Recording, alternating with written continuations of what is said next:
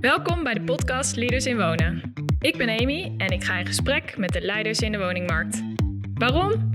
Omdat wonen iedereen raakt. Veel thema's in de woningmarkt vragen om een oplossing. Daarom ga ik op zoek naar de antwoorden van de leiders. Bovendien wil ik deze mensen leren kennen. Wie zijn het eigenlijk en wat drijft ze? Deze podcast wordt mede mogelijk gemaakt door NAG, Calcasa en Hiargus. Vandaag ga ik in gesprek met Han de Jong, vaste commentator economie bij BNR Nieuwsradio. Voordat we het gesprek beginnen, wil ik starten met een introductie van mijn gast. Han groeide op in Amsterdam en studeerde macro-economie aan de Vrije Universiteit van Amsterdam. Na zijn afstuderen was hij een aantal jaar werkzaam als docent in het middelbaar onderwijs en het HBO. Vervolgens bekleedde hij verschillende functies bij ABN AMRO, zoals het aansturen van de onderzoeksunit in zaken fixed income. Tussen 1992 en 1997 heeft Han in Dublin en Ierland als chief economist bij lokale effectenmakelaar gewerkt. Vanaf 1997 tot 2019 is hij opnieuw werkzaam geweest binnen ABN AMRO, zij het met een korte onderbreking in 2008 toen hij een paar maanden bij Fortis was gedetacheerd als Global Head of Research. De laatste 14 jaar bekleedde hij de functie van Chief Economist. Han was tussen 2004 en 2012 columnist bij het Financiële Dagblad en in de tijd dat hij werkzaam was voor ABN AMRO bekleedde hij verschillende nevenfuncties. Zo was hij lid van de beleggingscommissies van enkele Nederlandse pensioenfondsen. Sinds 2013 doseert hij macro-economie aan de postdoctorale opleiding Investment Management aan de Vrije Universiteit van Amsterdam en geeft hij ook les bij het ANBA. Hij is columnist voor Fondsnieuws en Boerenbusiness en vaste commentator economie bij BNR Nieuwsradio. Han is 63 jaar, getrouwd, heeft vier kinderen en twee kleinkinderen en woont in Ierland.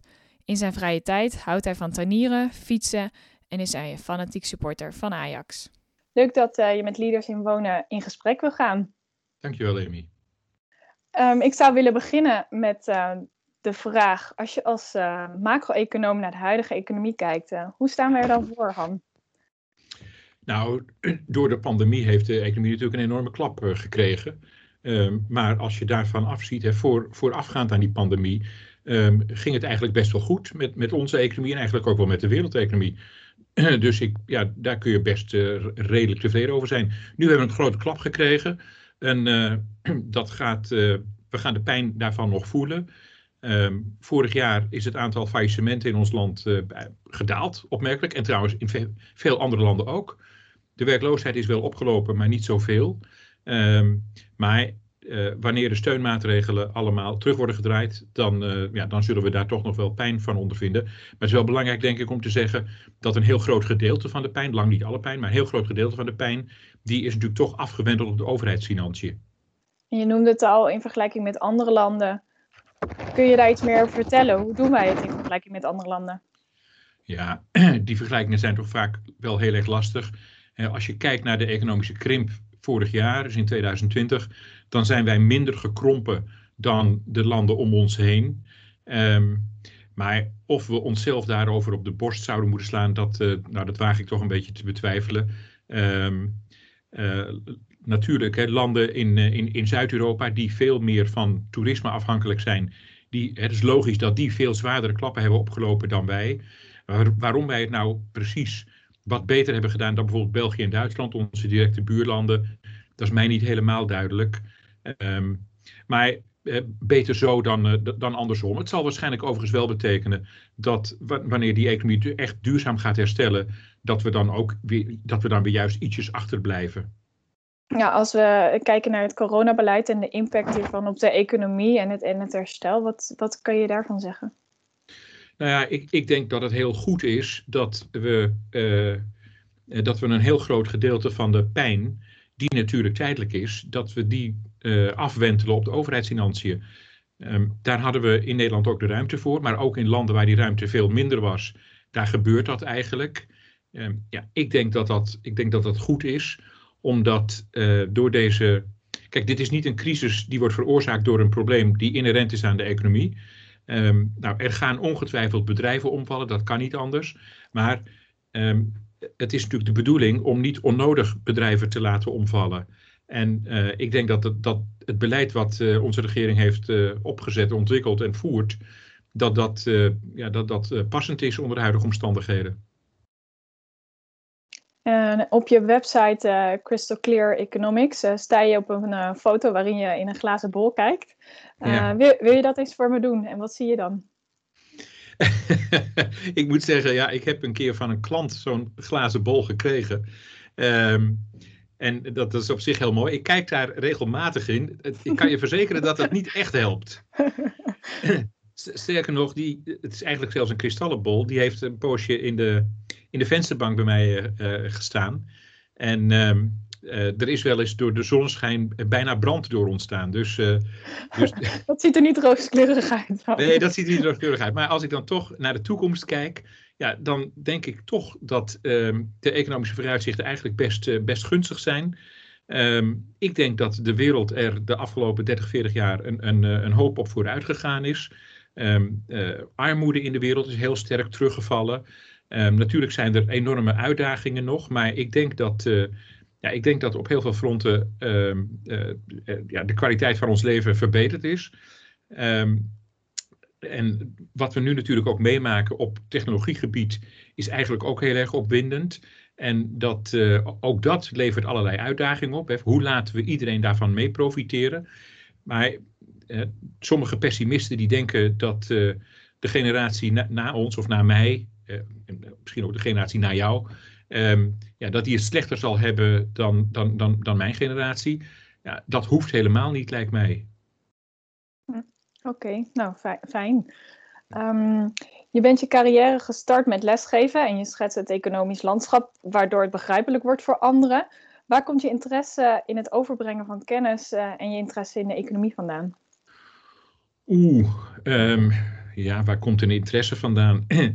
ik moet zeggen dat ik, um, ik was op de middelbare school niet zo goed in de B-vakken. Nou, uh, bij ons op school was het, was het eigenlijk heel eenvoudig. Als je daar goed in was, ging je B doen. En als je daar niet goed in was, dan moest je A gaan doen. Dus ik moest A gaan doen. En op een gegeven moment had ik een boek ge, uh, geleend uit de bibliotheek. Um, dat boek heette Inleiding in de filosofie. Nou, ik snapte daar helemaal niets van. Ik was denk ik 15. Um, maar ik vond het wel heel fascinerend. En toen zei ik tegen mijn moeder, mijn moeder was boerendochter, dus heel praktisch ingestelde vrouw. Ik zei van nou, mam, ik weet wat ik wil doen met mijn leven, ik ga filosoof worden. En toen zei zij direct van nou, ik dacht het niet. Um, toen heeft ze mij uitgelegd dat, uh, dat zij dacht dat ik daar mijn brood niet mee zou kunnen verdienen. Dus vroeg ik aan haar, wat, uh, wat, wat moet ik dan met mijn leven? En toen zei ze nou, jij moet maar of econoom worden of jurist.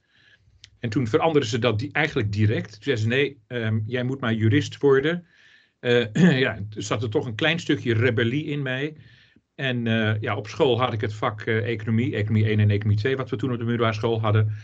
En dat vond ik eigenlijk heel erg interessant. En daar is mijn interesse eigenlijk vandaan gekomen. Dus vanaf dat moment wist ik wel, nou, ik wil econoom worden. Um, en ja, zo is, het, zo is het gekomen. En het overbrengen van, van jouw kennis aan anderen. Um, heeft dat er altijd al in gezeten? Of eh, is er een moment waarop je dacht. Nou, als ik nou achterom kijk, dan, dan denk ik het wel. ik, eh, zelfs op de lagere school was ik al actief in uh, het schrijven van stukjes in schoolkranten. En dat ben ik op de middelbare school ook blijven doen. Um, toen ik eenmaal was afgestudeerd, um, toen, toen, moest ik eigenlijk in dienst. Maar nou, ik kwam door toeval in het onderwijs terecht. Um, en nou, dat vond ik heel erg leuk. En dat, dat ging ook eigenlijk best wel goed. Maar na drie jaar had ik wel het idee van, nou, dit kan ik wel. Uh, maar dit wil ik zeker niet mijn hele leven blijven doen. Dus toen ben ik op zoek gegaan naar andere banen voor economen. Uh, ja, en toen ben ik eigenlijk ook weer door toeval bij, uh, bij de toenmalige Amrobank, later ABN Amrobank, terechtgekomen. Um, om je waarheid te zeggen, had ik liever op het ministerie van Financiën of bij de Nederlandse Bank willen werken toen. Maar daar waren of geen vacatures, of er waren wel vacatures. En uh, nou, zeker bij financiën eindigde ik toen één of twee keer als tweede, weet je wel. Uh, ja, dat gaat zo. En bij de Amrobank um, ja, werd ik aangenomen, dus daar, daar ben ik gaan werken. En ik moet ook wel zeggen dat um, terwijl ik toen liever misschien op het ministerie had gewerkt, ik heb daar nooit spijt van gehad dat ik bij een bank terecht ben gekomen. En um, je gaf al aan, je moeder heeft uh, een belangrijke aanzet gegeven tot uh, de keuze voor economie. Zijn er andere mensen geweest die belangrijk zijn geweest voor de keuzes die je hebt gemaakt? Um, nou ja, ja, weet je, de familie in het, in het algemeen. Ja, nou, daar kan ik niet zo 1, 2, 3 uh, mensen aanwijzen. Mijn broer en zus, mijn, mijn, mijn, vader, mijn moeder is, is vrij snel daarna eigenlijk overleden. Um, mijn vrouw heeft me altijd gesteund in allerlei beslissingen die ik heb genomen. Uh, en daar ook wel enige sturing aan gegeven, moet ik zeggen. Want mijn vrouw is Iers. dus het feit dat ik in Ierland ben gaan wonen en werken en nu ook weer woon. Ja, dat is natuurlijk wel, wel door haar gekomen. Ja. En uh, je hebt heel veel werkervaring. Heb je tips voor starters of die je vanuit jouw werkervaring mee kan geven aan anderen? Ik denk dat een algemene regel is dat het niet verkeerd is om bij een grote organisatie te beginnen. Als je, als je jong bent. Het is makkelijker om van een grote bekende organisatie later in je leven over te stappen naar iets wat kleiner is dan omgekeerd. Um, bij grote uh, organisaties, ja, daar krijg je toch vaak ook meer kansen. Um, dus ja, ik ben eigenlijk heel, altijd heel erg tevreden geweest met, uh, met de Amrobank en ABN Amrobank als, uh, als werkgever. Dat is, uh, ja, dat is voor mij uh, een heel erg verrijkende ervaring in mijn leven geweest. Als ik ook vergelijk de kansen die ik heb gekregen in mijn loopbaan met de kansen die veel van mijn vrienden hebben gekregen, ja, dan, dan, mag ik bepaald niet klagen. Ik, ik heb voor de bank de hele wereld bereisd. Um, dat klinkt vaak mooier dan het, dan het in feite was. Maar dat neemt niet weg dat ja, ik ben wel overal geweest en uh, dat, dat verbreedt toch ook wel je horizon. En kan je een moment met, uh, met ons delen wat je echt is bijgebleven van uh, de laatste 14 jaar als chief economist bij ABN AMRO? Ja, er zijn, er zijn veel momenten. Dat, ehm, toen, ik, toen ik afscheid nam van de bank heb ik een, ja, een verzameling geschreven van allerlei anekdotes uit mijn leven als, als, als, als, e als econoom. Wat ik altijd heel erg belangrijk heb gevonden, en hè, ik zat dus niet aan de commerciële kant van de bank, maar, maar aan, de, aan de economische research kant en aan de beleggingskant. Ja, ik heb het altijd heel erg belangrijk gevonden dat ik mijn werk daar kon doen uh, onafhankelijk. En dat het bestuur uh, niet mij voorschreef wat ik wel al dan niet mocht zeggen. Um, misschien één moment wat ik wel, wat ik wel toch wel een, ja, wat voor mij wel een belangrijk moment was. Dat was toen ABN AMRO was overgenomen door de overheid. En in die financiële crisis, pak een beetje tien jaar geleden, ruim tien jaar geleden. Um, toen was er een discussie over uh, of, uh, of grote banken niet opgeknipt moesten worden. En onze overheid was daar eigenlijk een uh, sterk voorstander van. De meeste politici waren daar voorstander van. En ik was op dat moment columnist bij het Financieel Dagblad. En toen schreef ik een column in het Financieel Dagblad. Dat, dat, dat ik dat een buitengewoon slecht idee vond, dat opknippen van al die banken. Um, nou, toen werd ik op een gegeven moment bij mijn baas uh, geroepen. En die meldde mij dat men in Den Haag daar niet zo van gecharmeerd was. Dus toen zei ik, nou ja, moet ik dan stoppen met die column? En zei hij, nee, je moet bepaald niet stoppen. Want, zei hij, um, jij laat altijd een authentiek geluid uh, horen. En, en daar hechten we aan, dus daar moet je vooral mee doorgaan. Maar gebruik wel een beetje je verstand. En je hebt uh, lang een team uh, geleid. Hoe, hoe motiveer je mensen? Ja, weet je, de teams die ik heb geleid, dat waren eigenlijk altijd teams van professionals. En die, ja, die hoefde je eigenlijk niet echt heel erg zelf te motiveren, want, want die, waren, en die waren intrinsiek zeer geïnteresseerd in waar ze mee bezig waren. Um, ja, ik, ik heb dus, misschien dan toch een anekdote. Een, een aantal jaar voordat ik wegging bij de bank, uh, kregen we een, uh, een grote uh, ja, oefening over ons heen geleid door McKinsey. Dat heette Customer Excellence. En toen werd ook gekeken naar mijn leiderschap. En toen moest ik op een gegeven moment moest ik tijd schrijven van waar ik mijn tijd aan besteedde. En toen kreeg ik feedback van die McKinsey mensen. En die zeiden tegen mij, ja, jij besteedt 80% van jouw tijd aan inhoud en slechts 20% aan management. En dat moet je echt omdraaien. En toen heb ik gezegd, nou weet je, ik ben het wel eens met jullie dat die verhouding niet klopt. Maar ik ga het de andere kant op doen. Ik ga nog meer tijd met de inhoud bezig en nog minder tijd met management. Want die mensen managen zichzelf wel. Um, nou, of dat een goede keuze was, weet ik niet. En het is natuurlijk ook zo dat um, ja, toen de bank mij vroeg om hoofdeconoom te worden, toen was dat niet omdat ze dachten dat ik zo'n goede manager was. Ik weet niet of ze daar überhaupt iets over dachten. maar dat was omdat ze dachten dat ik wel een fatsoenlijke econoom was. Dus ja, ik denk wel, en dat is misschien eigenlijk ook wel een boodschap, hè, ja, ga uit van je, van je eigen krachten en ja, borduur daarop voort. Mooi. Ehm, in wat voor omgeving ben je zelf opgegroeid? Nou, ik ben, dat zei al bij de introductie, ik ben in Amsterdam geboren. Uh, mijn, mijn ouders waren allebei uh, kinderen van, van, van boeren. Ik kom dus helemaal uit een boerenfamilie. Ehm, maar mijn grootvader aan mijn vaders kant, die had drie zonen. En die vond dat mijn vader maar bakker moest worden. Dus mijn vader is op zijn veertiende naar de lokale bakker gestuurd. En toen hij wat ouder was, is hij naar Amsterdam gegaan. En hij is banketbakker geworden. En heeft daar um, uiteindelijk, uh, ja, hij had op een gegeven moment drie banketbakkerszaken in Amsterdam. Uh, wij woonden eerst boven een van die zaken. Dus ja, tot mijn tiende heb ik gedeeltelijk, zeg maar, uh, in de winkel en in de bakkerij ge, geleefd en op, opgegroeid. En dat was, ja, ik vond dat wel een interessante omgeving achteraf, want ehm, dat leerde me eigenlijk ook al direct dat ehm, maandagen, dat waren dat waren eh, matige dagen in de banketbakkerij. En dat naarmate de week vorderde, uh, gingen de zaken beter. Je kunt je voorstellen dat aan het eind van de dag, als we, dan waren wij boven en daar kwam mijn vader met de kassa, of de inhoud van de kassa naar boven, dan moest het geld geteld worden. Um, en het was al voor mij al wel vrij snel duidelijk dat vrijdagen en zaterdagen, daar moesten we het van hebben. Um, dus die ups en downs in de, in de economie, die, ja, die, heb ik daar wel, uh, die heb ik daar wel geleerd. Ja, dus uh, is dat ook e-, van invloed geweest op, op de keuzes die je zelf hebt gemaakt, die, die opvoeding? Nou, e-, eigenlijk niet, moet ik eerlijk zeggen. Want, want bij ons thuis, we werden opgevoed met als uh, regel dat je uh, het hoogste wat je in het leven kunt bereiken is zelfstandig zijn.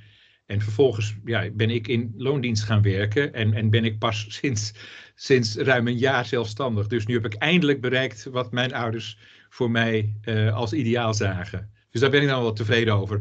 Maar wat dat betreft, wat dat betreft heb ik dus niet gedaan wat mijn ouders voor, voor ogen hadden. Maar het heeft wel mijn kijk op het leven natuurlijk bepaald. Hè? Want het was wel duidelijk dat je als ondernemer, nou ben je soms van omstandigheden afhankelijk, maar je moet ook hard werken. Um, er is natuurlijk in het bankwezen een enorme discussie op een gegeven moment ontstaan over, uh, ja, over prestatiebeloning, over, uh, over, bonusbetalingen, et cetera. En wat ik bij ons zag was dat ja, als, er, uh, als het heel druk was, dan werd er door het personeel keihard gewerkt. En dan was mijn vader volgens mij ook niet zo kinderachtig om ze wat extra te betalen. En ja, dat, dat, leek, dat leek mij toen alleen maar terecht. En ik heb ook wel ge gezien dat het personeel dat geweldig op, op prijs stelde. Ja. En kan je iets meer vertellen over je eerste zelfstandige huis nadat je je ouderlijk huis verliet? Ja, ik, um, als student heb ik thuis gewoond. Um, dus ik ben pas uh, zelfstandig gaan wonen. Um, ja, toen, ik, toen ik ging werken op een gegeven moment. Uh, mijn eerste baan was uh, in Bussum. En ik, ik woonde zelf ook in het Gooi, dus toen, toen woonde ik ook nog thuis. Maar op een gegeven moment ben ik in Enschede gaan werken. En toen ben ik in Enschede gaan wonen. Maar ja, zelfstandig toen heb ik gewoon een, kamer gehuurd bij een kennis van een kennis. Uh, en eigenlijk pas zelfstandig gaan wonen toen ik, toen ik getrouwd was. Dat was een jaar later. Uh, mijn, mijn Ierse vrouw die, die studeerde toen nog in, in Münster in, in Duitsland. Dat is 60 kilometer over de grens bij Enschede vandaan. Um, en toen hebben wij een woning gevonden aan de Duitse kant van de, van de grens. Um, want daar, daar was het veel goedkoper om te huren. Um, en natuurlijk ook ietsjes dichter bij, bij Münster. Dus ja, dat, uh, nou, daar hebben natuurlijk goede herinneringen aan. Het is je eerste huis waar je als, uh, als koppel woont. Dat was, een, zoals ze dat in Duitsland noemen, een Dreifamilienhaus. De, de, de huisbaas die woonde beneden. Wij woonden op de eerste verdieping en boven ons woonde nog een, eh, een, een, een, een mevrouw alleen. Um, en er was een behoorlijke tuin bij. En die, die huisbaas die was op leeftijd en die kon die tuin niet bijhouden. Um, dus ik was ook de tuinman. En uh, in ruil daarvoor was de huur ook heel laag. Dus ik betaalde maar 300 Duitse marken huur in de maand. Maar dan moest ik wel de tuin bijhouden. Wat ik graag deed, omdat ik ja, toch gedeeltelijk ook van boeren afkom ben. En altijd heel graag getuinierd heb. Mooi uh, bruggetje denk ik naar uh, de woningmarkt. Um, wanneer je als uh, econoom naar de woningmarkt kijkt, de Nederlandse woningmarkt, wat valt je dan op? Ja, we hebben nu natuurlijk op, op, op dit moment te maken met, met, met, verkiezingen. En de, dus ik heb de afgelopen tijd die verkiezingsprogramma's een beetje doorzitten spitten. Nu is natuurlijk een, een algehele tendens is dat er een behoorlijke ja, ruk naar links gaande is. Er wordt een beetje gedanst op het graf van het neoliberalisme. Ehm, eigenlijk alle partijen die pleiten voor ofwel een grotere overheid of een sterkere overheid. Dat, dat laatste geldt dan voor de VVD. Ehm, wat daarbij nog wel eens is vergeten, denk ik, is dat het neoliberalisme in Nederland er niet in is geslaagd om de overheid echt veel kleiner te maken. Dus ik vind dat die overheid al vrij groot is. Ehm, en ik moet je eerlijk zeggen, als ik in die verkiezingsprogramma's lees wat de diverse partijen schrijven over de huizenmarkt, ehm, ja, daar word ik toch wel heel erg uh, triest van. Want de algehele gedachte is, de markt heeft hier gefaald. We hebben natuurlijk een enorm probleem op onze huizenmarkt, een enorm woningtekort. Toegang voor jongeren is, is, is heel erg moeilijk. Um, en de conclusie die politieke partijen eigenlijk over het hele scala, voor zover ik dat dan heb bekeken, uh, trekken is, de markt heeft hier gefaald en we moeten, we moeten dus minder markt en, en meer overheid. Terwijl ik nou juist een heel andere conclusie zou trekken. Um, de huizenmarkt is een markt waar de overheid bemoeienis enorm is. Um, en ik denk dat de problemen die zijn veroorzaakt, uh, of die we hebben, dat die niet zijn veroorzaakt door een, uh, door een teveel aan marktwerking, maar juist door, een, door te weinig marktwerking. Zou je daar iets uh, dieper op in kunnen gaan? wat bedoel je met de overheidsbemoeienis en hoe zou je dat beter aan de markt kunnen overlaten? Ja, ik, ik vond een. Uh, in, 2017 heeft het Centraal Planbureau een rapport geschreven. Ik denk in opdracht van de Tweede Kamer of, of parlementsleden. Maar daar wil ik vanaf zijn. Uh, maar dat ging over de prijselasticiteit van het aanbod van woningen. En dat is, ja, voor economen is dat natuurlijk, zijn dat bekende termen en is dat gesneden koek. Um, dat rapport, ik vind het een heel erg interessant rapport.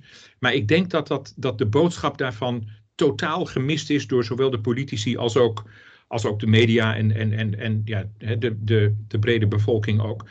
Um, Oké, wat is dat, die prijselasticiteit van het aanbod?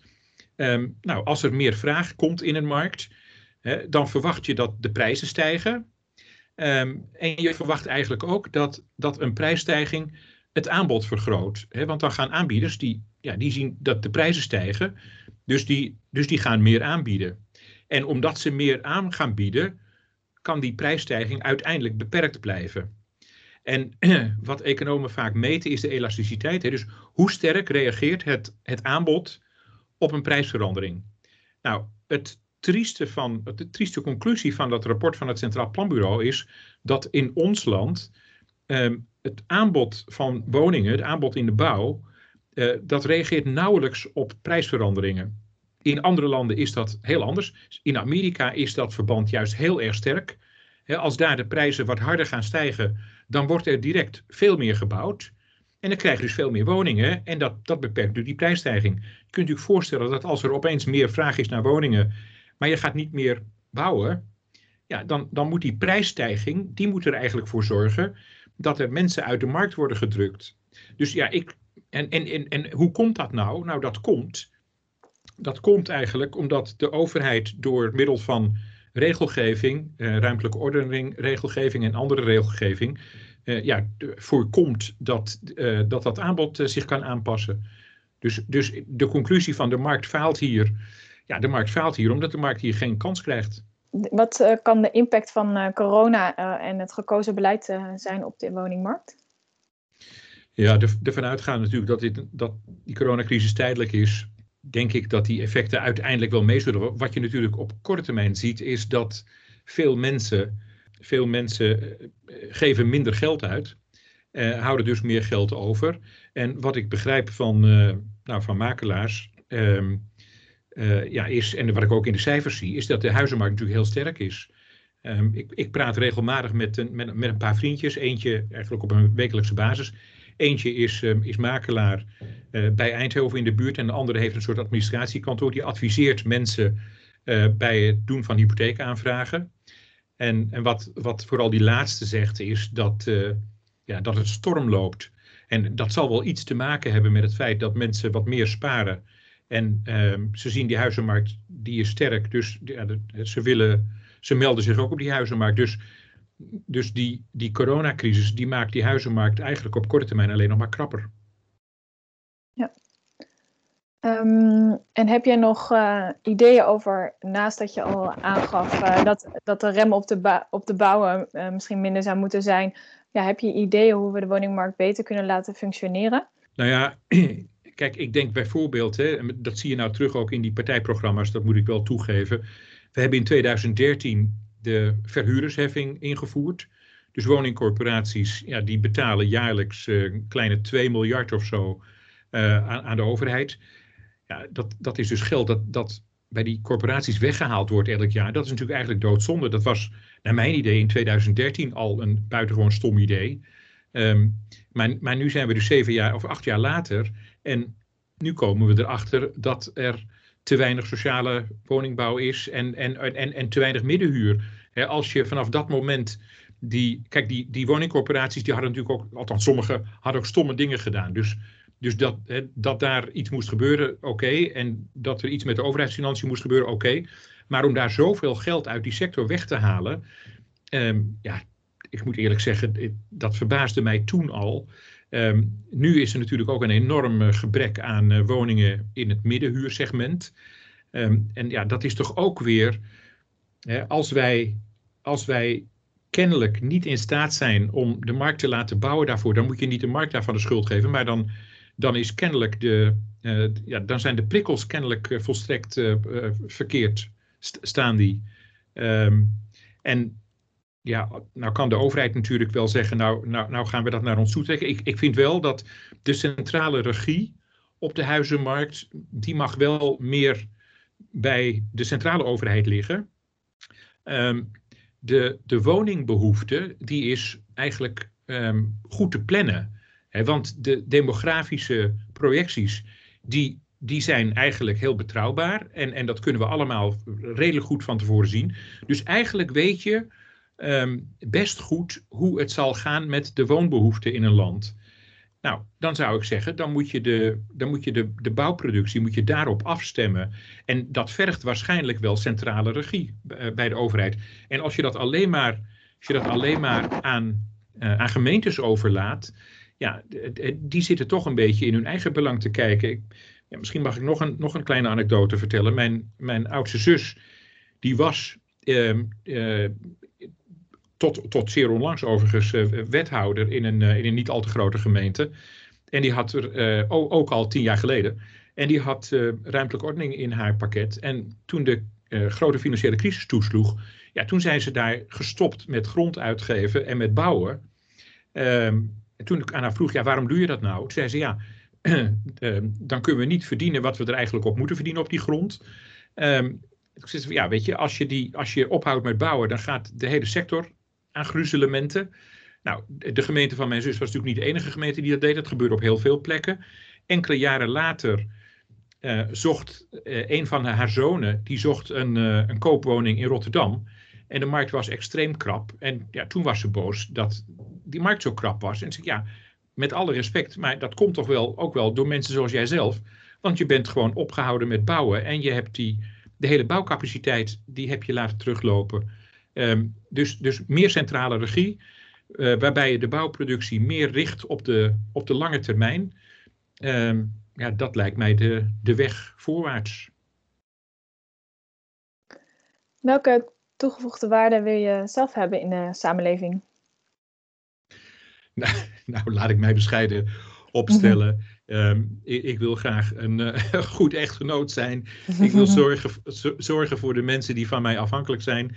Um, ik wil, uh, ik wil uh, een positieve bijdrage aan de samenleving in de, in de brede zin leveren.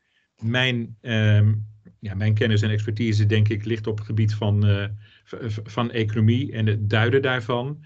Um, uh, nou, ik heb al eerder gezegd, uh, ik, ik, hecht ontzettend aan en, en, ben altijd heel erg tevreden als ik, um, uh, als ik ja, onafhankelijk daarin mag zijn. Ehm, en nou, dat heb ik ook in de tijd dat ik bij ABN werkte, maar ook nu natuurlijk. Ja, nou ben ik helemaal niet meer van iemand anders afhankelijk. Ehm, maar ik vind het wel heel erg fijn dat ik gewoon mijn eigen mening mag, mag ontwikkelen en uiten. En het is natuurlijk ook heel erg fijn als blijkt dat, dat mensen ja, daarin geïnteresseerd zijn. En waar ben je het meeste trots op in, uh, in je loopbaan tot nu toe en waarom is dat zo? Nou, misschien, ja, dan kom ik op, eigenlijk terug op het vorige punt, misschien toch wel op die, op die onafhankelijkheid. Hè? En um, nou, ik vertelde al eerder die kleine anekdote dat, dat, dat mijn uh, voor, voorlaatste baas bij ABN AMRO, die gaf mij een keer een, een ja, wat ik zelf als een enorm compliment uh, er, er, heb ervaren. En dat, toen zei hij van ja, jij bent, jij bent heel erg authentiek en dat moet je, ja, dat moet je zo laten. Um, wat, wat ik merk is dat, ik heb natuurlijk, ik heb, ben ook nog wel, ik ben twee keer in mijn leven bezig geweest met een uh, promotieonderzoek. Nou, uh, het echte superwetenschappelijke werk is niet, is niet mijn ding. Ik ben meer een, uh, ik vergelijk het altijd maar met een beetje een impressionistische econoom. het allerlaatste detail, nou dat zal wel. Ik, ja, ik zet graag wat, wat strepen op het doek en, en hopelijk lijkt dat dan op iets. Um, en daar geef ik dan duiding aan. En, en de invulling van alle details, nou daar heb ik niet het geduld voor en, en ook niet interesse in.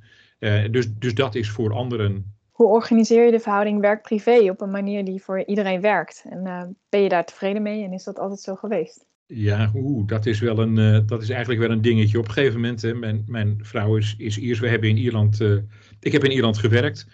Um, op een gegeven moment zijn we weer teruggegaan naar Nederland het, uh, daar was mijn vrouw op dat moment niet meer gelukkig. Mijn kinderen hadden ook aanpassingsproblemen.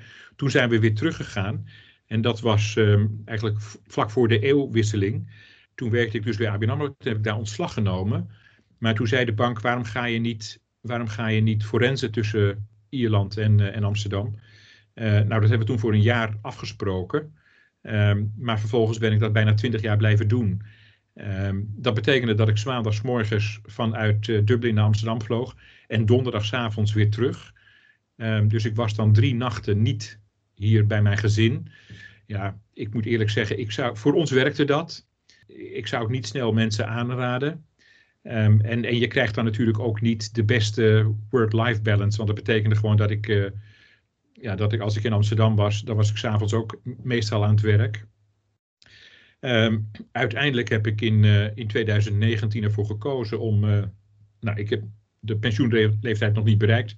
Maar ik dacht wel, dit, dit wil ik niet meer. Ik heb dit nu zo lang gedaan. Dit is wel klaar. Ik had die baan ook al 14 jaar gedaan. En ik dacht dat het voor de organisatie en voor mij beter was als er eens verandering zou komen. Um, dus we zijn als vrienden uit elkaar gegaan. En vervolgens ben ik voor mezelf gaan, gaan, gaan werken. En ik had eigenlijk gedacht nog heel veel uh, te reizen tussen Ierland en Amsterdam. Maar ja, door de coronacrisis is dat er niet van gekomen.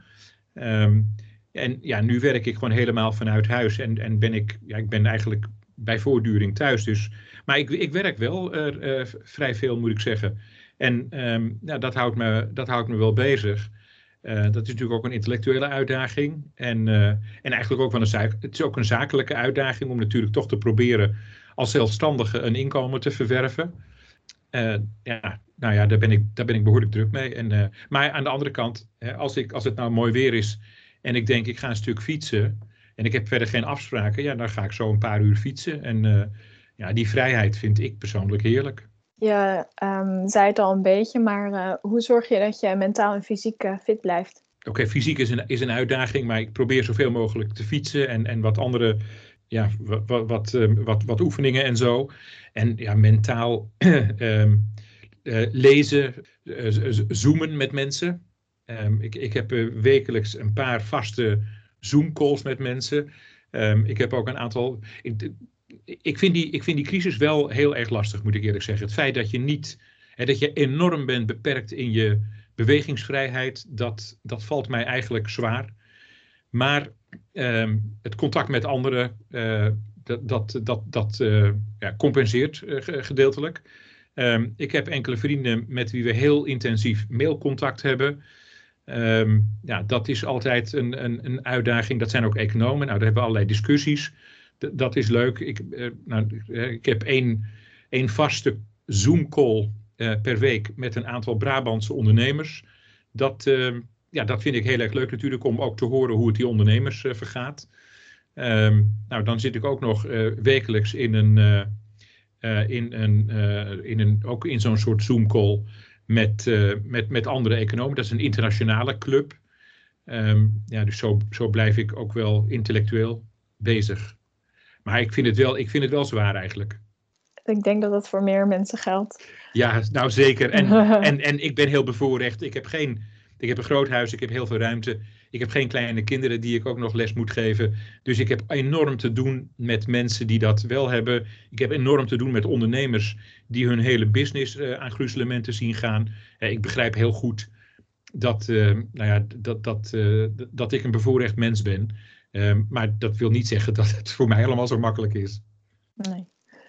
Um, je gaf aan ook graag te lezen. Zijn er boeken die je anderen graag uh, cadeau geeft of uh, die je zou tippen aan anderen om ook te lezen?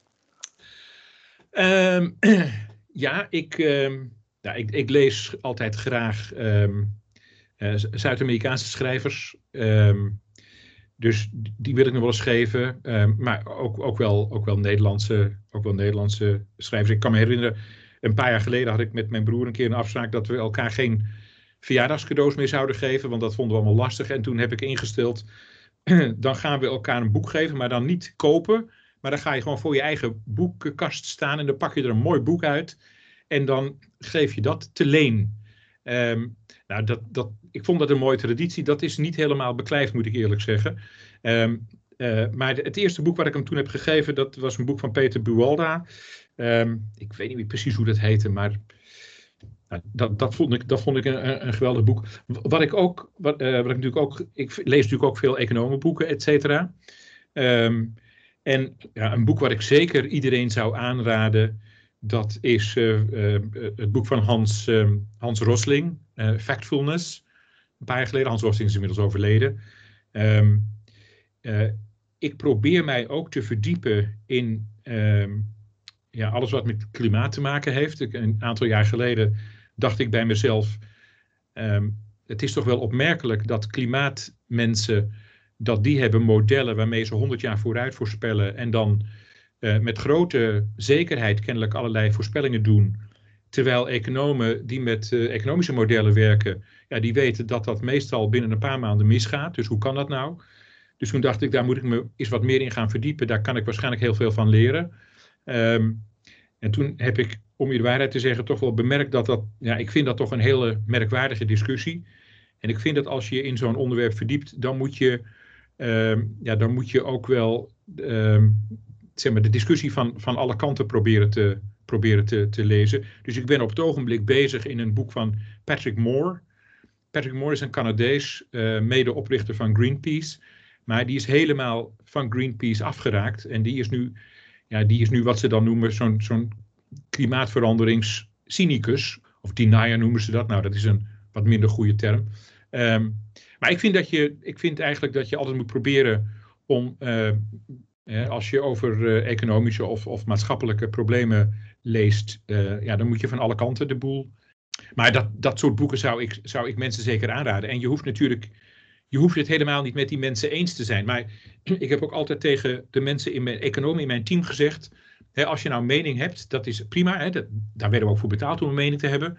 Maar verdiep je in wat iemand anders vindt. En helemaal verdiep je in als als je iemand kan vinden die een andere mening heeft dan de jouwe. Hè, want ofwel je laat je overtuigen, je komt tot inkeer, nou dat is verrijkend. Of je begrijpt nog beter waarom je het met die ander niet eens bent. En dat is eigenlijk ook verrijkend. En alleen maar verhalen lezen van mensen die hetzelfde beweren als jij, ja, dat is eigenlijk het domste wat je kunt doen. Goeie tip. En wie is je, jouw leider? Ja, wie is mijn leider? Um, nou, dat vind ik ook wel een heel, een, dat vind ik wel een heel erg moeilijke vraag. Ja, ik ben een, uh, ja, ik ben een econoom die, die gelooft in, uh, in, in de heilzame werking van, uh, van het prijsmechanisme van de markteconomie. Um, dus, dus economen in die traditie, ja, dat spreekt mij dan meer aan dan economen van de andere kant. Dus bijvoorbeeld, die, die, die leeft natuurlijk ook niet meer hoor, maar iemand als, als Hayek, Friedrich van Hayek ja, dat, dat, dat, dat vind ik een, een, geweldig, econoom. En als het wat platvloerser mag zijn, dan, uh, nou, ik hoop niet dat je dit weg gaat knippen, maar ik, ik kan altijd erg genieten van Johan Derksen.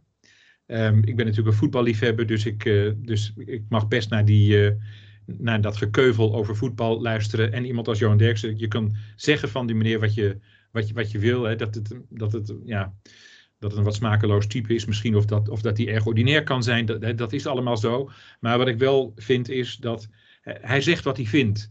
En hij heeft er ook altijd een toelichting bij. En daar kun je het mee eens zijn of niet mee eens zijn. En dat is prima. Um, maar ja, what you see is what you get. En dat, dat, vind ik, uh, dat vind ik wel heel erg leuk. Ben ik nog iets vergeten te vragen?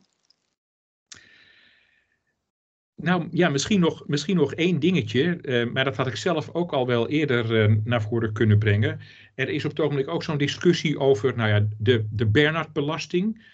En, en ook zie ik in die partijprogramma's die je langs ziet komen, daar zie je ook een oproep staan om uh, het voor buitenlandse beleggers moeilijker te maken om op de Nederlandse woningmarkt actief te zijn. Um, daar begrijp ik ook werkelijk helemaal niets van. Want het feit dat, die, dat dat soort beleggers daar kansen zien, dat is niet het probleem. Dat is het symptoom van het probleem. En als je dat gaat verbieden, dan ben je alleen maar bezig met symptoombestrijding. Het zou veel verstandiger zijn om je de vraag te stellen: hè, hoe, hoe kan het nou dat zij daar zo, zulke geweldige kansen zien? En eh, daar nog één ander aspect aan.